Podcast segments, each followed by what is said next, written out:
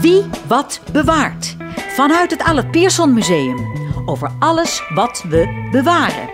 In archieven en depots. En wat we zelf belangrijk vinden om niet in de vergetelheid te laten geraken. We gaan op zoek naar grote schatten en kleine juweeltjes en gaan daarover in gesprek. In Wie Wat Bewaart, een wekelijks programma van Amsterdam FM. Vandaag presenteert Jeroen de Vries. Ja, welkom eh, bij onze podcast van 18 maart. Uh, we zitten weer in de prachtige studio van het Allard Pierson. Ik moet zeggen Allard Pierson en uh, dat zonder museum, dat is wel belangrijk. Aan de Oude Turfmarkt met uitzicht op het Rokin. Maar eerst uh, wil ik even terugkomen op het interview dat ik op 18 februari had met Edwin Reinhold van Museum om de Hoek over de samenwerking met het Amsterdam Museum en de gezamenlijke tentoonstelling in het gebouw van de Hermitage. Uh, ja, die tentoonstelling was vanwege omstandigheden in die Oekraïne uitgesteld, maar is toch nu, een paar dagen later, naar de, naar de oorspronkelijke geplande opening opengegaan. Dus ik zou zeggen, ga kijken, die is gewoon doorgegaan. Vandaag uh, heb ik twee gasten. Reinder Storm van het Allard Pierson over de tentoonstelling Geozone. En Gijs Hoen van, uh, over de organisatie Stadsherstel en het project NACO-huisje. Het huisje dat na 17 jaar terug is gekomen naar Mokum. Allereerst dus uh, Reinder Storm. Uh, Reinder is conservator cartografie, geografie en reizen van het Allard Pierson. En uh, ja, uh, gaat over de geozone. Wat is de geozone? Nou, de geozone maakt deel uit van dat stukje van het gebouw van de organisatie... waar eigenlijk bezoekers op een hele laagdrempelige, aantrekkelijke manier... kennis kunnen maken met activiteiten die we hier allemaal ontplooien. En de bedoeling is dat dat, dat gebeurt op een manier waarbij je een beetje dynamiek hebt... tussen de organisatie, tussen de mensen en de spullen. Um, we hebben goed nagedacht voor we deze, deze ruimte hier, de livezone van het Allard Pierson, gingen herinrichten. Wat, wat gaan we daar nou laten zien? Wel, op welke manier gaan wij duidelijk maken wat er in dit gebouw allemaal gebeurt? Want dat is ontzettend veel. Er wordt hier waanzinnig veel bewaard, van heel klein tot heel groot. En vaak spullen waar mensen zich geen enkele voorstelling van kunnen maken. Dan nog is het heel belangrijk dat je een keuze maakt die een beetje aanspreekt, die een beetje aansluit. Want als het, als het heel veel toelichting nodig heeft, dan schiet je ook je doel voorbij. En zodoende kwamen die kaarten in beeld. In eerste plaats heeft Amsterdam een hele intense, belangrijke rol gespeeld in de ontwikkeling van cartografie in de eeuwen, door de eeuwen heen. Met als, als hoogtepunt de 17e eeuw, toen Amsterdam gewoon het mondiale brandpunt was van kaartproductie. Uh, heel veel van die kaarten, losse kaarten, atlassen en dergelijke, zijn terechtgekomen in de collectie van de Universiteitsbibliotheek. Aangevuld met materiaal uit de 19e eeuw. Uh, van het Koninklijk Nederlands Aardrijkskundig Genootschap. Ik kan daar hele beurten over houden. In ieder geval, het is een enorme collectie geworden, alles bij elkaar, in de loop van, van eeuwen. En dat materiaal is min of meer vanzelfsprekend altijd onderdeel geweest van wat we vroeger de bijzondere collecties noemden. Dat materiaal is niet per se heel kostbaar of per se heel zeldzaam of per se uh, anderszins bijzonder. Het is bijna wel altijd kwetsbaar. Kaarten zijn grote stukken papier, die moet je vouwen, daar moet je voorzichtig mee zijn. Wil je dat in de loop van de eeuw een beetje goed bewaren? Dus dat doen we hier ook met overgave. Als je daar iets van wil laten zien, dan, dan is zo'n geozone daar een perfecte plek voor. Mensen komen hier relatief makkelijk even binnen. En het bijzondere met kaarten is altijd, iedereen is erdoor geboeid. En dat is op zichzelf best een bijzonder fenomeen. Want er zijn niet zo heel veel dingen aan te wijzen in de wereld waarvan iedereen zegt: hé, hey, dat, dat spreekt me aan, dat vind ik mooi. Maar dat is wel zo met kaarten. En dat heeft een heel duidelijke oorzaak. Uh, daar spelen we dus ook een beetje mee hier in de geozone. Um, hè, maar we laten in ieder geval hier nu al zien dat dit materiaal in huis is. En dat weten heel veel mensen niet die hier natuurlijk komen. Uh, en ja, dat, we daar, dat er allerlei variatie in is, kleuren, soorten, maten. En, en dat we ook allerlei manieren hebben om daar aandacht op te vestigen. Maar op die manier willen we dus op een, op een laagdrempelige manier mensen duidelijk maken dat dit kaartmateriaal hier in huis is. En hen in feite ook zelf al een beetje confronteren met, met dat fenomeen van die universele uh, betekenis van dat materiaal voor eigenlijk iedereen. Ja, want als ik hier uh, binnen loop, hè, want dat kan uh, gewoon, dan zie ik uh, een heleboel namen van kaartenmakers op de, op de muur. Ja. Ik zie atlassen, ik zie zelfs een globe. en als ik in een andere muur kijk, dan kan ik daar een heleboel kaarten uittrekken. Kijk, uh, we hebben, we hebben het, niet, niet, het is niet alleen onze bedoeling om uh, mensen te, te, bevestigen in wat ze al kennen en kunnen en weten. Uh, het is ook onze ambitie om ze iets bij te brengen. En eigenlijk ook wel een beetje om, meer pikant uitgedrukt, ze een lesje te leren. Want Um, veel mensen hebben wel een soort van vage clue van ja, Amsterdam en die kaarten en die 17e eeuw, dat, dat heeft wel iets met elkaar te maken. En ik zeg ook vaak bij presentaties, u hebt er vast wel eens van gehoord. En u kunt vast wel de naam noemen van een bekende kaartenmaker uit die tijd. Nou, en inderdaad gaan dan een paar, een paar gezichten gaan, gaan glimmen, de wenkbrauwen gaan omhoog en dan zeggen ze allemaal blauw. Willem Blauw, Johan Blauw, de Atlas Major. Op zichzelf is daar niets mis mee. Maar onze missie is wel een beetje om wie hier over de vloer komt en iets langer stilstaat bij dit materiaal, om die mensen te leren dat blauw heel veel collega's had, heel veel concurrenten, voorgangers en opvolgers. En dat weten de meeste mensen helemaal niet. En dat dat een hele ontwikkelingsgeschiedenis heeft in de loop van de tijd, waar blauw ook maar een schakel in is, dat is dus iets wat we hier naar voren willen brengen. Dat doen we dus door uh, wat materiaal aan de muur te laten zien van uh, bijvoorbeeld Ottens. Nou, de meeste mensen zeggen het niet zoveel, maar dat is ook echt een hele belangrijke kaart te maken geweest van ietsje later. Uh, maar wat we dus gedaan hebben in de geozone is in ieder geval dat heel kort benadrukken. En een stuk of twintig namen noemen van, van die types die ik noem. Hè. Dus voorgangers, collega's, concurrenten, opvolgers. En, en uh, het is echt extreem opvallend om te zien hoe vanzelfsprekend het is dat men blauw kent. En even vanzelfsprekend dat van de andere mensen nog nooit gehoord hebben. Terwijl die ook heel veel hebben gedaan, mooie spullen gemaakt, enorme producties. Ja, uh, de, de, de, de, het is nu eenmaal zo, daar zit iets onrechtvaardigs in. We kennen de naam van de grootste, de beste, de belangrijkste, et. En uh, eerlijk is eerlijk, we spelen er natuurlijk ook mee omdat mensen dat iets zegt. als ik zeg, uh, goedemiddag, ik kom iets vertellen over Ottens. Ja, dan kijkt iedereen me aan en denkt, waar heb je het over? Terwijl ik zeg, ik praat over blauw. Dan heb ik wel de aandacht, omdat mensen dan ook iets herkennen. Maar dat is een van de uh, belangrijke dingen die we in de geozone willen, willen doen. Um, wat je nu zegt over uh, die kaarten die je uit de muur kunt trekken. Klinkt een beetje alsof het een kroket is, maar het ziet er iets anders uit. Um, is eigenlijk ook, uh, en, daar komt natuurlijk een ander aspect van zo'n geozone en van de ruimte waar we zitten uh, om de hoek kijken. Mensen kunnen iets meenemen. Hè? En uh, ik, heb, ik, ik, ik word niet moe te zeggen wat, wat eigenlijk mijn, mijn droom is in dat opzicht. Idealiter gaat iedere toerist die Amsterdam verlaat, hier weg met onder beide armen een koker. En in de ene koker zit een reproductie van een schilderij van Vincent van Gogh. En in de andere koker zit een reproductie van een kaart uit onze collectie. Maar die kaart is niet zomaar een kaart. Dat is een kaart waar het land van herkomst op staat van die toerist. Het kan Griekenland zijn, kan iets in Zuid-Amerika zijn, maar van elke plek op de wereld zijn in Amsterdam kaarten gemaakt. Dus niet alleen neemt iemand een kaart mee naar huis van zijn eigen land van herkomst, Nee, hij neemt iets mee dat oorspronkelijk echt hier in Amsterdam, hier vlakbij, gemaakt is. Dus het is in twee opzichten een souvenir dat raakt.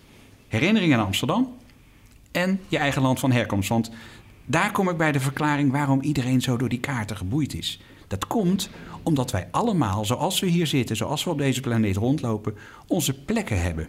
Plekken waar we affiniteit mee hebben. Waar je geboren bent, waar je ouders vandaan komen, waar je de taal van spreekt, waar je oorspronkelijk je ouders vandaan komen. Er zijn natuurlijk heel veel mensen met een migratieachtergrond. Op het moment dat ik zie uh, wat er gebeurt, dan, dan hè, je, je weet dat iemand uit een bepaalde regio komt, die, daar leg ik dan kaarten van op tafel. Mensen kijken daarnaar en onmiddellijk gaat hun hart open. En dat heeft met emotie te maken. Mensen gaan kijken en, en wijzen van kijk, mijn dorpje staat erop. Of daar is mijn grootvader geboren. Gaat altijd zo. En dat heeft dus te maken met een heel fundamentele emotie. Ik had toevallig deze week een, een overleg met uh, mensen van, van TomTom. En die gebruiken het woord DNA. He, van uh, kaarten maken zit in ons DNA, dat, dat zeiden zij dan. En ik was er enorm nog getroffen, omdat er dus een uitdrukking is. Maar zo wezenlijk is het bijna. Het is natuurlijk niet zozeer dat, dat kaarten in je DNA zitten, maar wel de affiniteit met een locatie. En een kaart is daar een symbool van. Dus wat we bieden hier is de mogelijkheid. We hebben niet, hè, we hebben niet alle landen van de wereld hier op die rekken aan de muur zitten, maar wel een, een, een brede selectie. Dus iemand die uit Engeland komt, of uit Duitsland, of uit Italië, die kan een greep in dat rek doen. Die ziet dan een kaart van Engeland, Duitsland, Italië en kan daar een reproductie van meenemen. Hey, en ja, eh, over kaarten gezien, want er is hier ook een interactieve kaart van Amsterdam, waar al die kaartenmakers gezeten hebben. Hè? Dat, ik heb dat gezien en dat geeft inderdaad die verbinding. Oh ja, dat, oh, in die straat, ja, dat Precies. klopt. Ja. Dus dat is hartstikke leuk. Maar waarom uh, is die kaartenmakerij nou zo in opkomst gekomen in de 17e eeuw? En misschien wel de eer, daarvoor ook al. Uh, nou, daar zijn, uh, het is ten dele verklaarbaar, ten dele ook niet. Het, het hangt heel sterk samen met handel. Uh, kaarten zijn van, van belang voor, voor reizen, ontdekkingsreizen, maar ook reizen met het oog op zaken doen, handel drijven. maar dat begint in de 16e eeuw in de zuidelijke Nederlanden. Antwerpen was de belangrijkste stad in die tijd. Um, de eerste atlas die gemaakt wordt is van Ortelius, die dateert uit 1570. Hij noemde hem alleen niet atlas, maar Theatrum Orbis Terrarum. Dus een soort van uh, het, het, het schouwtoneel van de, de wereldbol. En uh, het was eigenlijk voor het eerst dat iemand op de gedachte kwam, want kaarten bestonden wel al langer, maar voor het eerst dat iemand op de gedachte kwam om de wereld zoals die op dat moment bekend was, in kaarten vast te leggen, die min of meer tegelijkertijd gemaakt werden voor één en hetzelfde doel, met ook dezelfde look en feel, waardoor het een eenheid werd. Dus in 1570 komt Ortelius met die, uh, met die atlas en dat is meteen een doorslaand succes. En uh, ook omdat het actuele kennis was, voor zover die beschikbaar was. Er waren al wel oudere atlassen in de, in de 15e eeuw al. Zijn er atlassen gemaakt met uh, kaarten op basis van gegevens van Ptolemeus. Nou, Ptolemeus heeft heel veel informatie bij elkaar gebracht, maar die leefde in de tweede eeuw na Christus. En uh, ja, dat is natuurlijk wel erg lang geleden. Op basis van zijn gegevens zijn dus 1500 jaar later pas atlassen gemaakt. Kaarten van Ortelius kennen we niet, we kennen alleen letters en cijfers van hem. Coördinaten, plaatsnamen. Op basis daarvan in de 16e eeuw zijn die Ortelius en die uh, Ptolemeïsche atlassen gemaakt. Maar dat was in feite ja, uh, toch oude koek met alle respect. Ortelius komt met nieuw materiaal aanzetten en geeft dus ook een prachtig beeld nu aan ons van hoe toen mensen dachten dat de wereld eruit zag. En daar zitten wel een paar afwijkingen in ten opzichte van de realiteit. Lang verhaal kort, uh, met Antwerpen ging het op dat moment niet zo goed. Er waren allerlei troebelen aan de gang. Er was een oorlog gaande. De Spanjaarden onderdrukten protestantse bewegingen in die regio. En in 1585 de befaamde val van Antwerpen. En heel veel mensen verlieten de stad en verlieten de regio. En daar zaten ook veel uh, intellectuelen bij, handwerkslieden. En ze vluchtten onder andere naar het noorden. En ze kwamen in Amsterdam terecht. Veel van de grote namen van de collega's, voorgangers van Blauw, uh, die dan toch maar even als eikpunt mag dienen, waren van oorsprong Vlamingen. Blauw zelf niet, dat kwam uit Alkmaar, maar dit terzijde. Maar waarom dat dan zo'n bloei, zo'n vlucht neemt, economische succes speelt daar een rol bij. Um, uh, wat uh, ook een rol speelt is oorlog. Hè. Er is oorlog en kaarten gaan altijd hand in hand. Men moet weten waar je wel of niet strategisch kunt opereren. een derde reden is, en dat is voor de. Hij staat meer los, staat los van Amsterdam, maar heeft meer betrekking op de kaartenmakerij in het algemeen in Nederland. Um, wij, wij, zijn, wij laten ons land eigenlijk nooit met rust. We zijn voortdurend dat aan het aanpassen en aan het aanharken. Er worden, water wordt droog gemaakt, er worden kanalen gegraven. Telkens is het dan nodig om eh, met name bij dat, bij dat droogmaken van land is het nodig om afspraken te maken hoe je dat gaat gebruiken, van wie dat is. Eh, en daar worden kaarten van gemaakt, speciale polderkaarten. Dat is echt een genre wat op zichzelf als, als industrie een impuls is geweest voor de cartografie als zodanig. Ehm, maar wat ook een aspect is, is welvaart. Kijk, het is natuurlijk fijn als je dat kunt veroorloven. Dat geldt nog steeds als je het goed hebt om daar iets van te laten merken. En nu doen mensen dat met een groot huis, of een duur horloge, of een mooie auto. Dat was vroeger met dat grote huis ook wel zo. Maar wat, hoe mensen dat ook deden, was een schilderij aan de muur hangen. Nou een schilderij is er natuurlijk maar één, dat is ook kostbaar. Maar je kon bijvoorbeeld ook een mooie atlas in huis halen. Dat waren prestigeobjecten. En nou ja, een losse kaart aan de muur, daarmee kon je laten zien dat je geïnteresseerd was in de wereld om je heen. Je een beetje oriënteerde op wat er allemaal gebeurde. Dus dat zijn allemaal aspecten die, met elkaar ook een beetje versterken. Bovendien, de ene uh, nijvere bedrijfstak uh, is dan weer een impuls voor de andere. Dus de boekdrukkunst had een enorme vlucht hier in Amsterdam genomen. Ook omdat hier een relatief tolerant klimaat heerste. Er mocht wel gedrukt worden wat men wilde drukken. Nou ja, die drukpers, als dat toch gedrukt werd, eh, dan is het maken van atlassen of toevoegen van gravures een, een, betrekkelijk kleine stap. Want dat, dat, weet ook niet iedereen, maar we kennen ook publicaties van Blauw die helemaal niets met kaarten of geografie of wat dan ook te maken hebben. dus zo zie je dat ook wel, wel samengaan. Maar dat zijn allemaal aspecten die bijgedragen hebben aan die industrie in Amsterdam in die tijd. Ja, en ik heb ook altijd begrepen dat uh, uh, bij, uh, met die handel, hè, dat dat heel erg belangrijk was. Ja, ontdekkingsreizen, zullen we maar zeggen, om goede kaarten te hebben. Daar werd heel veel, ja, dat was heel erg kostbaar, denk ik dan. want een, een, van de eerste mensen die ik ook uh, zie van kaartenmakers is uh, Petrus Plantius. En Petrus Plantius is volgens mij uh, een van de oprichters van de VOC. Klopt dat? die, die, die rol heeft hij zeker. Plantius is overigens ook een voorbeeld van een Vlaming. Ja, ja. die is geboren in het plaatsje Dranouter, waar niet iedereen dagelijks van hoort, denk ik. Dit jaar 400 jaar geleden. Nee, dit jaar is 400 jaar geleden, het is overleden, sorry. 1622. Maar hij, hij is dus komstig, afkomstig uit de zuidelijke Nederlanden en komt dan naar het noorden. Uh, Plantius heeft een aantal belangrijke kaarten gemaakt. Hij was predikant. En uh, hij was niet bepaald zachtzinnig in de leer, in tegendeel. Hij was een hele fantieke. Uh, en de, veel kaarten die we van hem kennen zijn kaarten in bijbels. Hè, want voor ons is dat misschien een, een beetje verrassend concept, maar in beginsel was voor de mensen in die tijd de Bijbel een absolute realiteit. Dus als daarin beschreven wordt hoe Paulus reisde na uh, de dood van Christus en het evangelie wordt uh, verspreid, of als daarin staat waar ongeveer uh, de Hof van Ede gelegen heeft, ja, waarom zou je daar niet gewoon een kaart van maken? Want dat staat er toch duidelijk in. En die kaarten zijn er dus ook. In onze ogen is dat nu eigenlijk, heeft dat iets amusants. Dat je op een kaart kijkt en denkt, oh wacht even, daar is het paradijs. Nou, leuk om te weten. Uh, dat is bovendien een regio die nu eigenlijk, als hij al in het nieuws is, alleen maar negatief in het nieuws is, omdat er oorlog en ellende is. Maar goed, uh, is de geestelijke vader van een aantal van dat soort kaarten, bijbelkaarten. Uh, inderdaad, een, een, een, iemand van wie je nu ook kunt zeggen van... goh, die heeft zich ingelaten met activiteiten waar we nu anders naar zijn gaan kijken. Ja, ja leuk. En um, um, heb jij zelf uh, want je, je, ziet heel veel van die kaarten en atlassen. Heb jij daar ook favorieten bij? Uh, de, eh, datgene wat je hartstikke mooi vindt? Ja, absoluut. um, vaak word je toch getroffen door datgene wat je verrast. Zo, zo werkt het natuurlijk. Als je dat materiaal niet dagelijks ziet... Uh, en je komt een keer hier en ik, of ik geef een presentatie... dan vind je het eigenlijk fijn als je iets te zien krijgt waar je wel eens van gehoord hebt, maar wat je nooit in het echt hebt gezien. Um, inderdaad, dat klinkt dan misschien een beetje uh, verwaten. Ja, van een blauw atlas meer of minder kijk ik niet op. Die, die krijg ik bij wijze van spreken dagelijks in handen.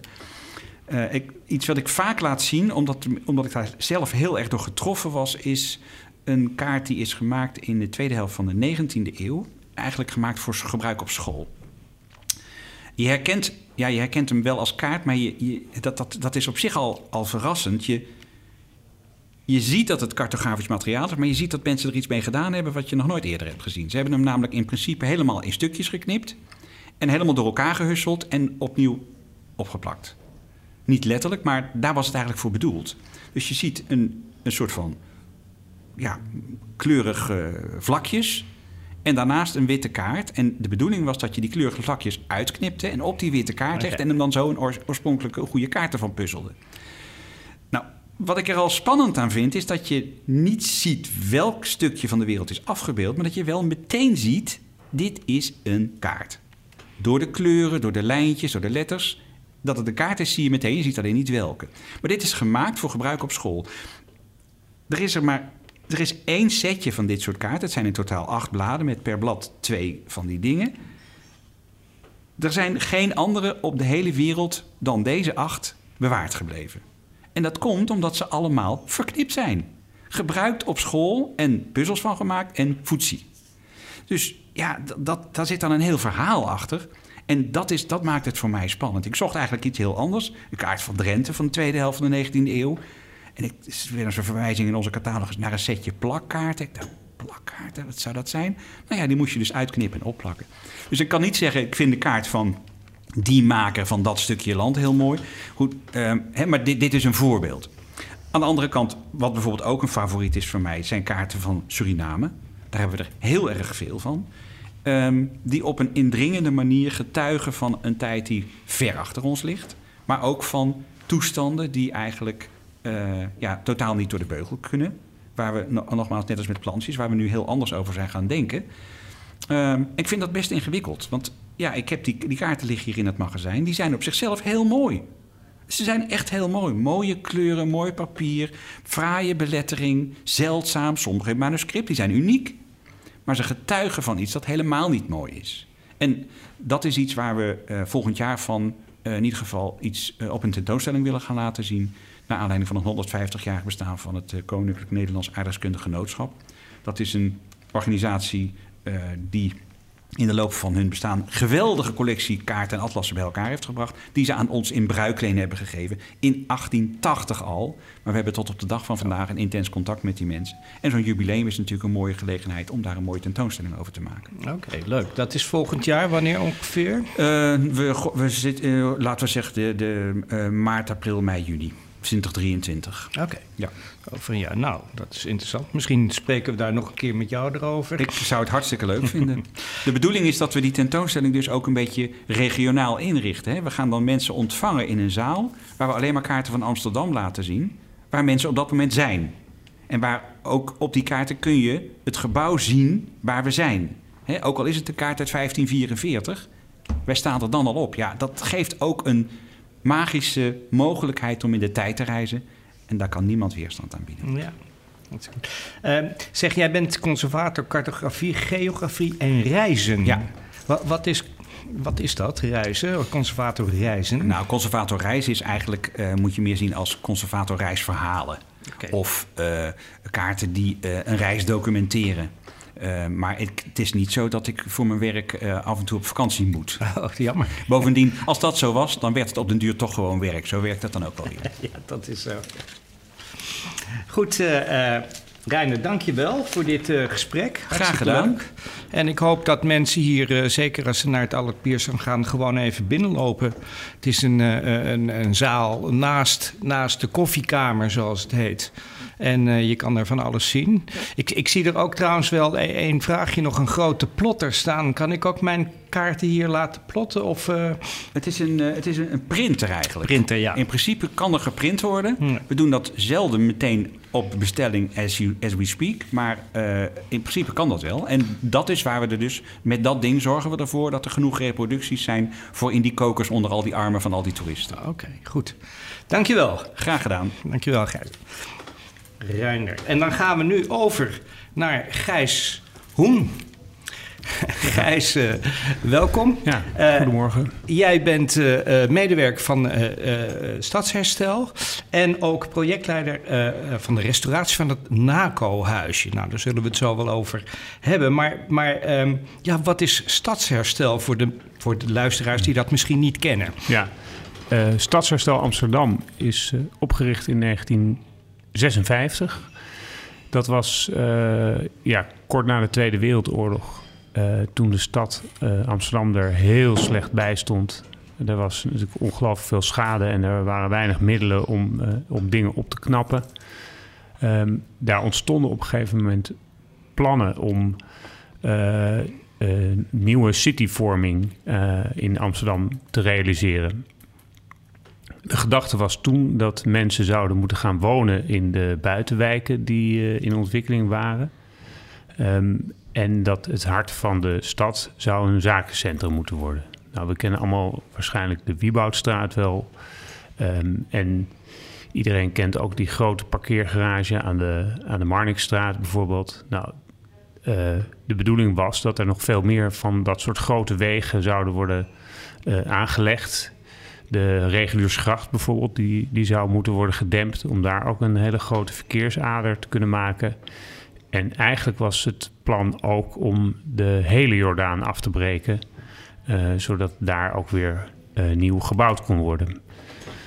Uh, toen is Geurt Brinkgeven in, in verzet gekomen en die heeft ook goede contacten met, met de zakelijke Amsterdammers gehad, waaronder Jonkheer Six van Hillegom.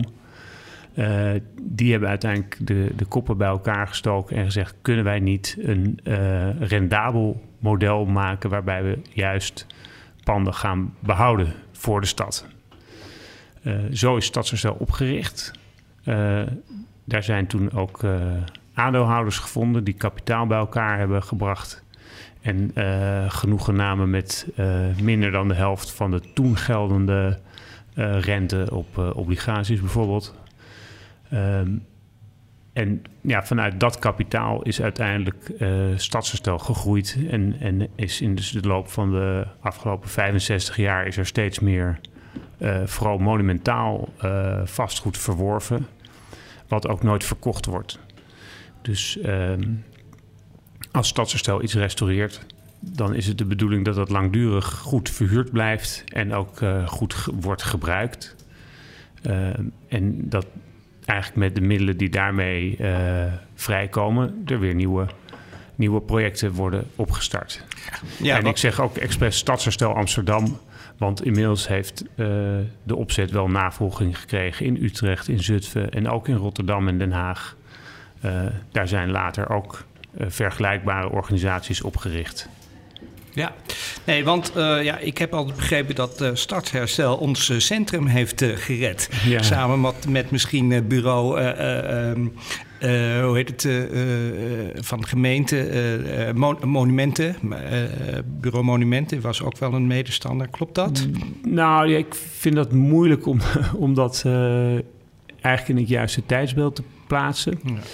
Ehm, en natuurlijk kloppen wij ons graag op de borst en roepen wij dat, dat wij uh, Amsterdam hersteld hebben. Hè, want inmiddels zijn we er wel achter dat, uh, dat er eigenlijk geen panden meer in de binnenstad echt in de stutten staan. Nee. Ehm, maar we, we, Stadsherstel is wel echt heel duidelijk opgericht tegen de plannen van de gemeente in. Ja, want die dus, wilde toen zo'n beetje de helft van de grachten dempen ja, voor de auto. Nou ja, precies. Ja. En ik denk dat, we wel, uh, dat jullie wel een van de organisaties zijn die echt uh, onze binnenstad hebben bewaard en, en op, uh, op, nou ja, helemaal op hebben laten fleuren. Ja, ja ik ben zelf ja. vriend van Stadsherstel ja, en, goed, en voor mij mijn ouders. Dus ik, ik, ik, ken het verhaal wat dat betreft wel. Ja. Dus dat is hartstikke mooi. Want hoe heeft Stadsherstel dat gedaan? Want ze konden niet alle huizen kopen meteen in één keer. Nee, natuurlijk. Het is, het is natuurlijk klein begonnen. Hè, met, maar wel met, eigenlijk toen was het idee dat uh, Stadsherstel ieder jaar 25 panden zou gaan verwerven en er ongeveer evenveel zou, uh, zou gaan restaureren. nou, dat is in die beginjaren niet echt gelukt. maar het is dus gaandeweg wel, ja, wel gegroeid. En ja, er zijn ook wel jaren bij geweest dat we uiteindelijk inderdaad zo'n 25 panden hebben kunnen verwerven. Um, maar goed, er is natuurlijk een heel groot verschil met, uh, met lang geleden. Dat er, uh, dat er destijds werden er dan advertenties uh, geplaatst van gezocht vastgoed, gebrek geen bezwaar. Ja. Nou goed, daar hoef je nu natuurlijk niet mee aan te komen. Nee, nee, nee. Nee, want, de, want de staat van de verschillende panden, zeker in de jaren 50, 60 en zelfs 70, was natuurlijk niet al te best. Nee. Maar ik heb uh, altijd wel begrepen dat er wel een uh, soort uh, strategie achter zat. Welke panden werden gekocht. Ja, nee, dat, dat klopt. En, en eigenlijk de strategie was ook om eigenlijk gewoon her en der in de stad telkens een pandje te verwerven. Hè, om dus eigenlijk ja, gewoon zo gericht de hele stad door, gewoon in elke straat te proberen een, een, mooi, een mooi pandje weer op te knappen. En daarbij werd ook heel vaak uh, gekeken naar hoekpanden. Ja. Omdat die, ja, die hebben dan een uitstraling uh, eigenlijk twee kanten op, die je van beide straten, en je ziet ze gewoon beter staan. Er werd ook vaak gezegd, ja, Stadsherstel doet de hoekpanden zodat het een soort boekensteun wordt zodat die andere panden ook niet omvallen. Nou ja, goed, dat is natuurlijk een, een, een, een mooi beeld, maar de werkelijkheid is wel ietsje anders. Dat denk ik ook. Maar, maar eh, dat, dat stimuleerde natuurlijk andere huiseigenaren eigenaar ook om, uh, om te gaan renoveren. Klopt dat? Ja, dat denk ik wel. Ja, ik denk dat toch je, vaak ziet dat, uh, dat, dat buurpanden dan ook toch weer mee gaan doen. En ja, ja straten zijn ook wel, wel opgeknapt. ja, dankzij de inzet. Ja, zeker. Hey, en uh, nou ja, je, je, zei het net, de binnenstad uh, vrijwel niet staat er in de, in de stutten meer. Dat, dat valt mij ook op. Ik ken de jaren tachtig uh, nog, dat was wel. En nu zie je dat haast niet meer. maar dat betekent ook dat stadsherstel ja, iets breder is geworden. Ja, het qua werkveld bedoelt ik. Nee, nee, precies. We hebben ook nu vastgesteld dat wij alle projecten kunnen doen die tot uh, eh, 45 kilometer van Amsterdam uh, liggen. Dus uh, deze week was ik nog in Leiden, waar wij net elf woningen hebben opgeleverd die in een oude boerderij zijn gerealiseerd. Nou, verder doen we al behoorlijk veel ook in de, in de Zaanstreek. En zitten we ook al geruime tijd in Haarlem. Waar we uiteindelijk, er was een stadsherstel Haarlem. En die hebben wij uiteindelijk overgenomen ja, je zou kunnen zeggen, we zijn gefuseerd. Maar goed, uh, het was aanmerkelijk kleiner. Uh, maar inmiddels hebben we in Haarlem ook een hele, hele ruime portefeuille aan, aan prachtige panden. Ja, en die panden die, die, die verkopen jullie nooit. Dus je hebt inkomsten wat betreft uh, huur, neem ik aan. Ja, ja. En uh, nou ja, vrienden, dat heb ik net al gezegd. En, ja. en, en, en er wordt ook uh, wel bepaalde projecten gedaan. Ja. waar mensen geld voor kunnen geven. Ja, dat klopt. En wat ook wel leuk is, want veel mensen vragen ook... is het nu nog mogelijk om een pand in Amsterdam te kopen? Ja, ik, ja, het is mogelijk, ja. Maar het is niet zo dat wij na de hele dag op Funda zitten te kijken... of er nog iets wordt aangeboden wat, wat een beetje opgeknapt moet worden... Uh, want wij weten ook dat een, uh, een, particulier die een pand wil kopen om daar zelf in te gaan wonen, dat die uh, aanmerkelijk meer kan betalen dan wij kunnen betalen, omdat wij uit de huuropbrengst het onderhoud moeten betalen, maar ook onze eigen rentelasten ook weer moeten kunnen betalen. Wat we tegenwoordig veel vaker zien, is dat, dat mensen die al hun hele leven in een huis wonen, en die, nou, dat zijn vaak mensen van, van ouder dan 70. Dat die zich zorgen beginnen te maken over het onderhoud van hun huis. Um, en die komen wel eens bij ons en zeggen: God, uh, zouden jullie het huis willen overnemen? Maar we willen er graag blijven wonen.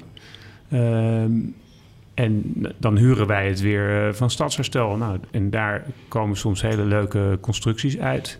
Er zijn ook mensen die, die zeggen: Ja, ik wil heel graag dat mijn huis langdurig goed beheerd blijft. Um, en ik verkoop het aan stadsherstel. Maar ik ga de hele koopsom ga ik vervolgens in uh, vijf termijnen weer schenken. Uh, zodat je dan weer een, uh, een fiscaal voordeel geniet. Dat gaat dan via een ambi-stichting die weer ook het werk van Stadsherstel steunt. Okay, Want de dus... Vrienden van Stadsherstel, de vereniging, ja. dat is een, een ambi-stichting wat dus betekent dat je daar dan fiscaal voordelige schenkingen ja. aan kunt doen. Oké, dus, dus er zijn allerlei verschillende uh, mogelijkheden om aan huis te komen. In ieder geval. En daar hebben jullie ook de, de uh, nou, capaciteit voor om dat goed te onderhouden. Ja, ja. Ja, dat gaat heel goed. We hebben een, vrij grote afdeling beheer en onderhoud. Hè, die zorgen ervoor dus dat de huizen goed bewoond blijven. En dat dus ook de, de schilder regelmatig langskomt. Maar dus dat ook kleinere gebreken goed worden verholpen. Nou, elke keer als er iemand verhuist en zijn woning oplevert... dan komt er ook iemand kijken naar hoe, de, hoe, hoe het erbij staat. En nou, regelmatig wordt er dan ook weer een opknapbeurt gedaan. En er wordt natuurlijk ook heel veel gedaan om de, de duurzaamheid en de isolatie van, uh, van onze woningen dan te bekijken. Want ja, in de jaren 60 en 70 werd er ook op een andere manier gerestaureerd dan we tegenwoordig doen. Dus we hebben ook best veel, uh, veel woningen waar het echt ongelooflijk hard tocht. Nou ja, daar, daar kijken we natuurlijk ja, ook bij hoe we die dus uh, weer voor een lange termijn goed uh, bruikbaar kunnen maken. Ja, daar krijg je natuurlijk ook uh, mee te maken, isolatie en dat ja. soort uh, dingen. Ja, dat is tegenwoordig heel, heel belangrijk. Ja, klopt. Maar um, Stadsherstel doet ook, nou ja, hele specifieke projecten. Eentje daarvan is het NACO-huisje. Ja. daar ben jij projectleider van. wat is het NACO-huisje? Ja, het NACO-huisje is een, een een uh, prachtig huisje wat in 1919 is gebouwd voor de Koppes Scheepsagentuur. Uh, die, uh, die, dat is eigenlijk een, een, ja, een pont. Nou, hoe noem je het? Je kon daar een, Veerdienst. een veer, veerkaartje kopen inderdaad ja. richting Marken en Hinden lopen. En um, ja, dat heeft jarenlang zo gefunctioneerd. Het heet nu dus uiteindelijk NACO-huis van de Nederlandse Autocar-organisatie. Ook een, ook een personentransport, ja. maar, um, maar niet per se over het water. Oké, okay, ja. Um, uiteindelijk was het van Connection, het, het huisje. Maar bij de, bij de aanleg van de metro en vooral het, uh, het nieuwe busstation bij het Centraal Station. Ja, want het, uh, uh, even voor de duidelijk, ligt aan de Ruiterkade, ja. achter het station. Daar ja. heeft het ook altijd gestaan. Ja. En daar moest het weg. Ja, het lag dus recht achter het Centraal Station. Hè, dus ongeveer waar de, waar de veer naar, het, uh, naar de Buiksloterweg uh, vertrekt.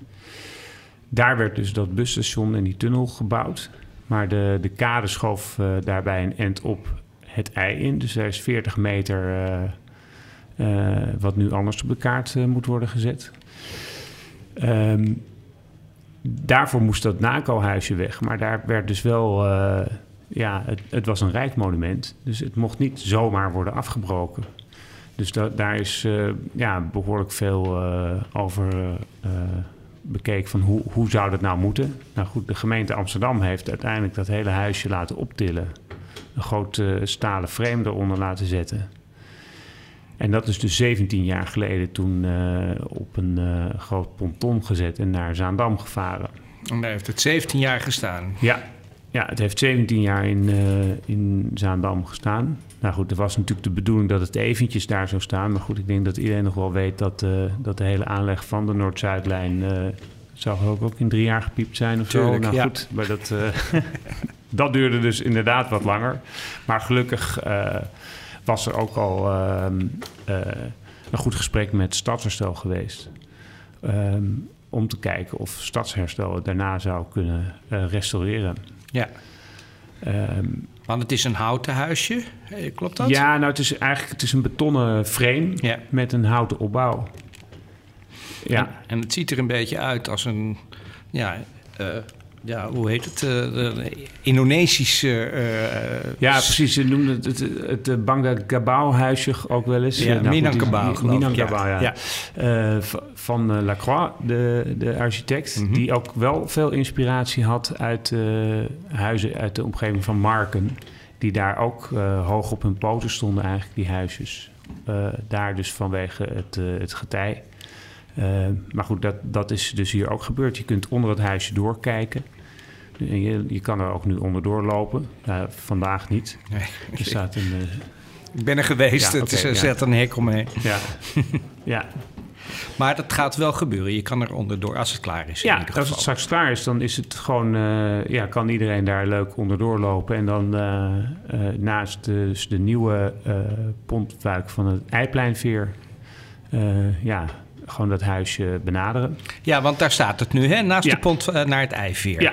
Maar goed, het was 17 jaar in Zaandam. Wat, wat, wat, wat is er toen gebeurd? Ja, nou goed, we hebben dus... eh, de eerst werd er vrij lang eh, gewacht ook met... ehm, ja, dat er een datum zou komen waarop het terug zou kunnen gaan. Ehm, en volgens mij, Stadsherstel was ook 17 jaar geleden nog niet, nog niet helemaal in de picture. Eh, er is heel veel eh, eh, te danken aan Frits Ventener van Vlissingen. Die heeft toen zich heel veel ingezet ook voor het behoud van het huisje. En en ehm, via de architect kent hij een partners die, waar hij goede verstandhouding mee had, is toen uiteindelijk ook Stadsherstel in beeld gekomen. En, en werden wij dus ja, betrokken. En wij zijn vier jaar geleden in Zaandam eigenlijk begonnen met het restaureren van het huisje. Dus toen is, eh, is eigenlijk de hele buitenkant van het huisje is toen al helemaal gerestaureerd. Ehm, en nou goed, toen er uiteindelijk ook zicht was op de plek waar die dus zou komen, hè, want dat was 17 jaar geleden nog niet helemaal duidelijk. En hij kon dus niet op dezelfde plek terugkomen, Nee. omdat die kade 40 meter was, eh, was opgeschoven. Nou goed, daar is heel veel eh, overleg over geweest en is uiteindelijk nu deze plek eh, gevonden. Nou, en toen dus dat een beetje alles eh, zeker was, toen zijn wij ook begonnen met, met het restaureren. Eerst daar. Ehm, en, en nu moet het hier worden afgemaakt. Ja, en het is dus verplaatst. Dat is in december gebeurd, Ja. vorig jaar. Ja, dat klopt. En dat was een hele... Dat was een prachtige dag. Ja, ja het was ook spannend, hè? Want eh, boven windkracht 4 eh, zou die niet meer eh, verplaatst kunnen worden. Er was een grote bok gekomen die hem dus in Zaandam optilde en, en naar Amsterdam bracht. Diezelfde bok moest, een, moest de nieuwe fietsbrug die daar vlak naast ligt... de dag daarvoor op zijn plek zetten. Nou, Oh. die bleek te zwaar te zijn, die fietsbrug, terwijl die gloednieuw was. Ehm, maar het NACO-huisje was gewogen in, in Zaandam. Dus, ehm, dus daar wisten ze gelukkig precies het gewicht van. En die is toen eh, daar inderdaad eh, ja, van zijn plek getild en naar Amsterdam gevaren. En toen eh, neergezet. Ook weer op de plek getild waar die nu staat. Ja. Ja, En nou, dat was een heel traject dan in ieder geval. ja. En nu, want het is nog niet helemaal klaar. Ik heb het zelf eh, gezien eh, vorige week. Het dak moet in ieder geval nog gebeuren. Ja, dat klopt. Ja, er is dus nu een, eh, een steiger omheen gezet.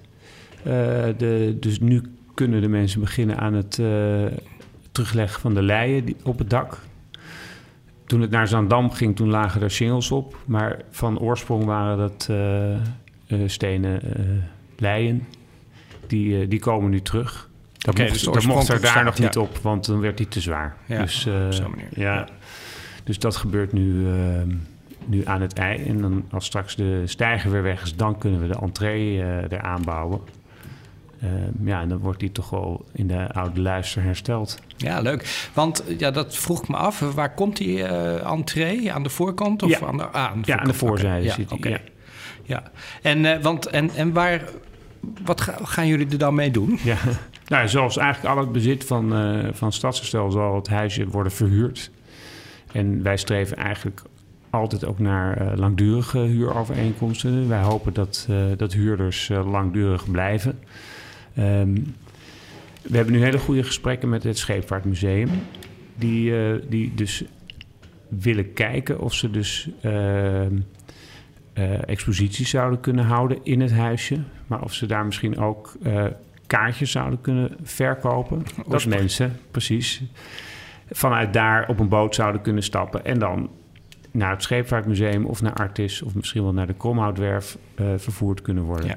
Je mag alleen niet aanleggen meer bij het NACO-huisje... zoals dat eh, in het verleden was. Ja. Ehm, maar goed, eh, wel in de nabijheid van het NACO-huisje kan dat. Oké. En jij bent eh, projectleider eh, van, van het eh, Ja. geheel. En wat, wat houdt dat in? Wat moet ik me daarmee voorstellen? Ja, ja. Iedereen afspraken maken en zo? Nou ja, precies. Je moet zorgen dat, dat er een, een goed plan telkens wordt gemaakt voor een, voor een gebouw. Dat we goed kijken hoe een nieuwe functie in een gebouw of een oude functie kan worden teruggebracht. Daarvoor is meestal ook weer een vergunning nodig. Dus een architect maakt daar tekeningen voor. Ja. Eh, uiteindelijk moet er dus een aannemer komen die het ook zo eh, restaureert zoals het bedacht is. Ja, Ehm, want wat komt daarbij kijken om dat helemaal in de oorspronkelijke staat terug te brengen? Ehm, nou, bij, bij dit specifieke geval, dus bij het NACO-huisje, ehm, eh, was er ook wel best veel wat, ja, wat zijn oorspronkelijke vorm gewoon nog had. Er is één wand aan de binnenkant die is eh, verplaatst. Ehm, ja, die laten we nu wel op de plek staan waar die is terechtgekomen. Hij was alleen ook helemaal afgetimmerd met, eh, eh, ja, met boord. En er zaten ooit hele mooie ramen in. Nou, die, die gaan we dan wel terugbrengen. Ehm, en verder proberen we het eh, huisje ook weer energiezuinig te maken. Oh ja, Dus we hebben daar geen eh, gasaansluiting en geen eh, gasgestookte cv. Maar een, een luchtwarmtepomp die dus uit de buitenlucht warmte onttrekt om het huisje te kunnen verwarmen. Oké, ja, natuurlijk. Ja. Ja, en dan komt er ook wel een, een vloerverwarmingssysteem in. En nou, er wordt wat extra isolatie ook, ook aangebracht. Ja. Ehm, ja, Dus je moet het in de oorspronkelijke staat terugbrengen met eh, allemaal nieuwe eh, technieken, zullen ja, we maar zeggen. Ja, Want Ja. jullie weten hoe, hoe het oorspronkelijk eruit zag. Eh, je hebt nog tekeningen van de ja, er zijn- architect. ja, precies. Ja. ja, die blauwdrukkers zijn daar van, de, van de oorspronkelijke bouwtekeningen. Dus die, ja, die, die hadden we gewoon. En ja, daar, daar, wordt, daar wordt niet gek veel van, van afgeweken. Het is wel altijd een uitdaging om die installaties weer goed erin te krijgen. Ja. Ehm, maar goed, dat, dat gaat hier ook eh, lukken. Ja, we zullen wel een aantal eh, luchtkanalen weer door een kast heen eh, van boven naar beneden moeten aanbrengen. ja. Eh, ja, en, en op de zolder komen ook flink wat eh, installaties te staan. Ja, dus er komt eh, fix wat bij kijken om zo'n om zo'n oud huisje in, Ja. in een goede staat te krijgen. In Ja. ieder geval. Ja, ja, Nou, ik zou iedereen aanraden om daar eens te kijken, want het, het is gewoon op de, op de ruitenkade naast de, de pont naar het Eiplein. ja, ik heb het helaas nog niet gezien, maar er, eh, hij moet nu goed zichtbaar en herkenbaar zijn aan een eh, blauw-gele kleur. Een blauw-gele kleur. Ja, nou, we hebben de Oekraïense vlag op, het, Oh, eh, op, het, eh, op de steiger laten zetten. Maar ik heb nog niet gezien of het wel goed gelukt is. Nou, snap ik het. Ja, ja, ja. Nou, hartstikke mooi. Hey, en ehm, eh, jullie doen nog andere projecten. Eh, ik weet bijvoorbeeld van de Haarlemmerpoort. Hè, dat zijn allemaal toch wat eh, vreemde hui- ja, huizen, weet ik niet. Maar gebouwen, Ja. zullen we maar zeggen. Wat, wat zijn jullie daar aan het doen? Nou, op de Haarlemmerpoort, die is al een aantal jaren geleden is die, gerestaureerd Oh, door die- ons. Die hebben wij toen van IJmeren over kunnen nemen. Eh, daar zaten heel veel eh, kleine woningjes in. Ehm, en ja, die, die waren gewoon eh, op eigenlijk.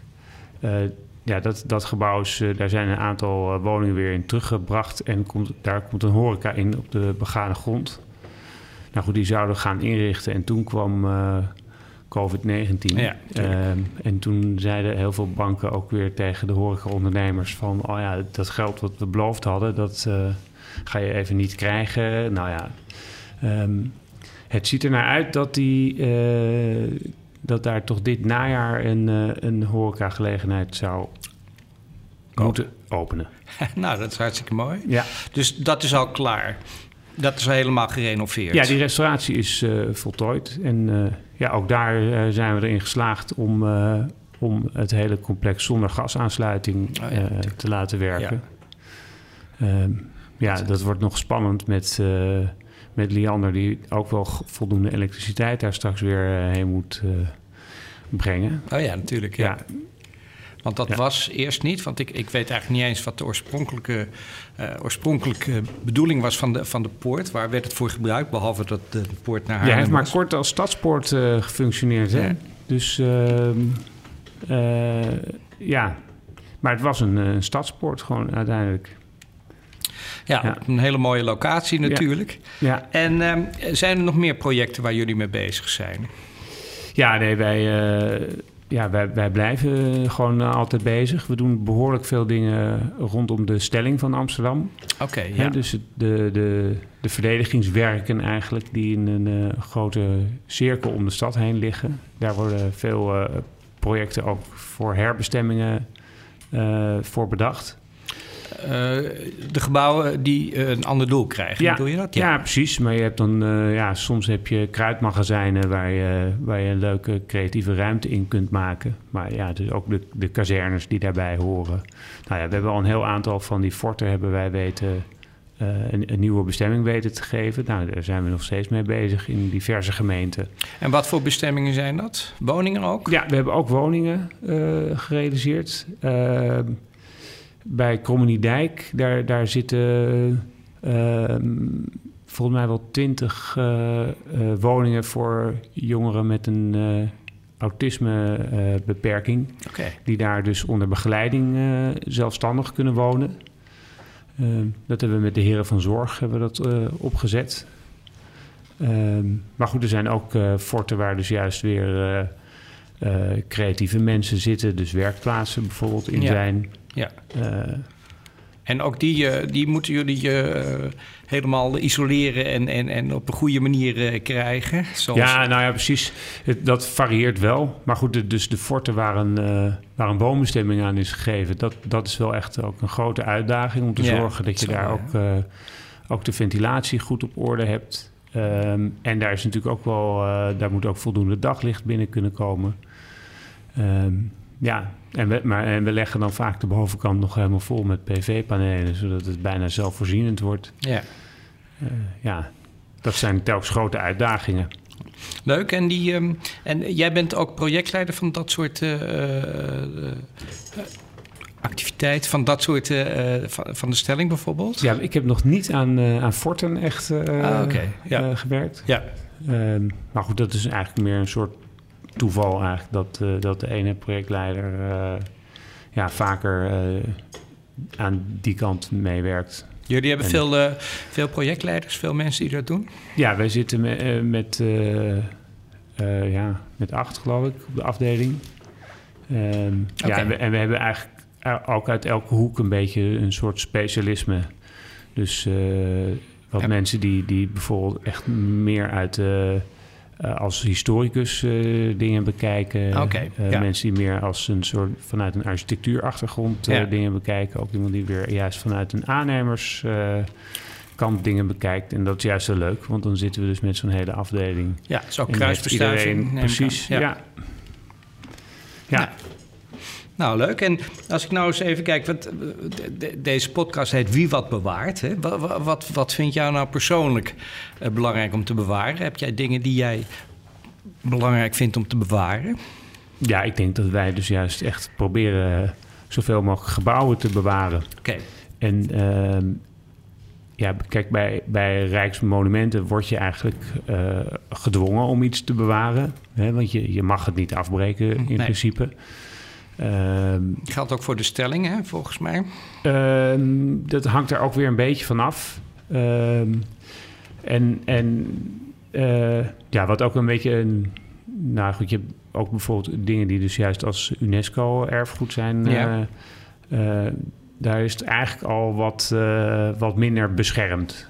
Oh, dat is minder beschermd. Ja, ja, dus eigenlijk rijksmonumenten hebben, genieten de hoogste bescherming. Nou, gemeentelijke en provinciale monumenten in feite ook. Maar dan, dan wordt er al vaak wel gezegd... ja, het is toch een, een, een iets lagere orde, bij wijze van spreken. Maar goed, in Haarlem zijn we een gemeentelijk monument... nu aan het voorbereiden om te restaureren. Maar dat krijgt bij ons in ieder geval dezelfde aandacht als een, als een rijksmonument... Uh, maar we hebben ook uh, wel verwerven wij panden die helemaal geen monumentale status Nee, hebben.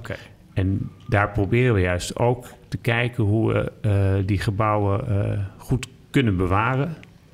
en soms bewaren door een nieuwe functie daaraan te geven. Ja.